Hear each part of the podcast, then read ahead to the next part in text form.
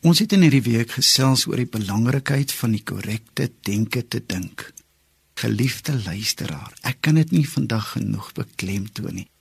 Kom ons werk daaraan om ons gedagtes te suiwer. Salomo skryf in Spreuke 4 vers 23 en hy sê iets soos dit. Hy sê: "Wees versigtig wat in jou hart omgaan, want dit kan jou lewe ingryp en verander." Dit sê die boodskap. Nou gelukkig kan ek en jy iets omtrent ons denke doen nie waar nie. Die Bybel wys uit dat jy jou eie geluk kan bepaal, want alles in die lewe hang af van wat jy dink, wat jy kies en wat jy gaan spreek. Nou dit wat jy dink en dit wat jy kies en dit wat jy spreek word die vrug van dit wat jy gaan eet.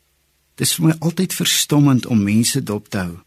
Mense word oral gewaarsku om stadig te wees met hulle woorde, maar vandag hoor jy soveel keer mense sê ek is nie lus vir hierdie gesprek nie, want ek weet ek gaan verkeerde dinge sê. Ek wil vandag vir jou 'n bietjie raad gee. Salomo sê in Spreuke 16: Die lankmoedige is beter as 'n held en hy wat sy gees kan beheer is beter as iemand wat 'n stad inneem. Kom ons besef vroegtydig dat ek en jy die effek van ons denke moet begryp.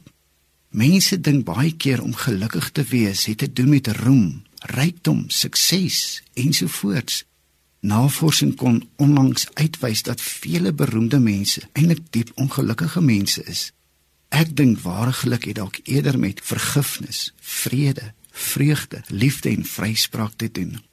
Kom ons wees verantwoordelik met my en jou denke. Ek wil jou graag aanraai vandag, rig jou gedagtes. As jy jou gedagtes rig en die woord van die Here gereeld lees, sal jy voorspoedig wees.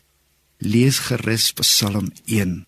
Tweedens, kom ons maak 'n vaste voorneme om te dink wat die woord ons leer om te dink. Paulus sê alles wat waar is, alles wat eerbaar is, alles wat mooi is, alles wat rein is, kom ons bedink dit. Moenie dat die gedagtes van buite jou denke negatief vandag beïnvloed nie.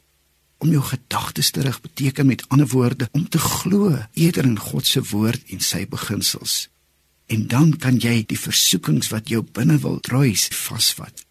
Kom ons vernuwe ook ons denke Paulus sê vir die gemeente in Romeine 12, hy sê laat ons verander word deur die vernuwing van ons gemoed en dan ten laastens wil ek jou aanraai om versigtig te wees om toe te laat dat enige negatiewe ding in jou gees kom lê en om jou te kom besoedel.